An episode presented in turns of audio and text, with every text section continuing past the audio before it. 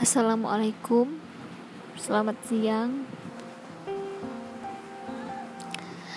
Uh,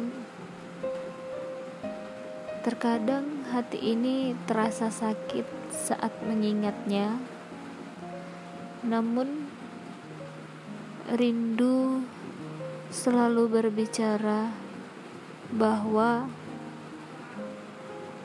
kamu terlalu egois untuk hatimu.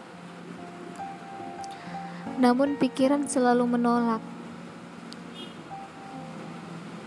Sejauh ini aku terus bertahan. Aku terus mencoba.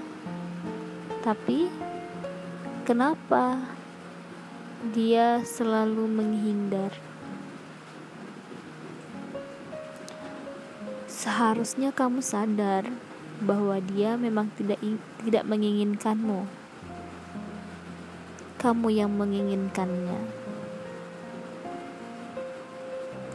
Mungkin perasaan itu lebih cepat, lebih baik datangnya atau perginya agar kamu bisa paham sesuatu yang kamu inginkan belum tentu kamu butuhkan sesuatu yang kamu pertahankan sebenarnya bukan untukmu.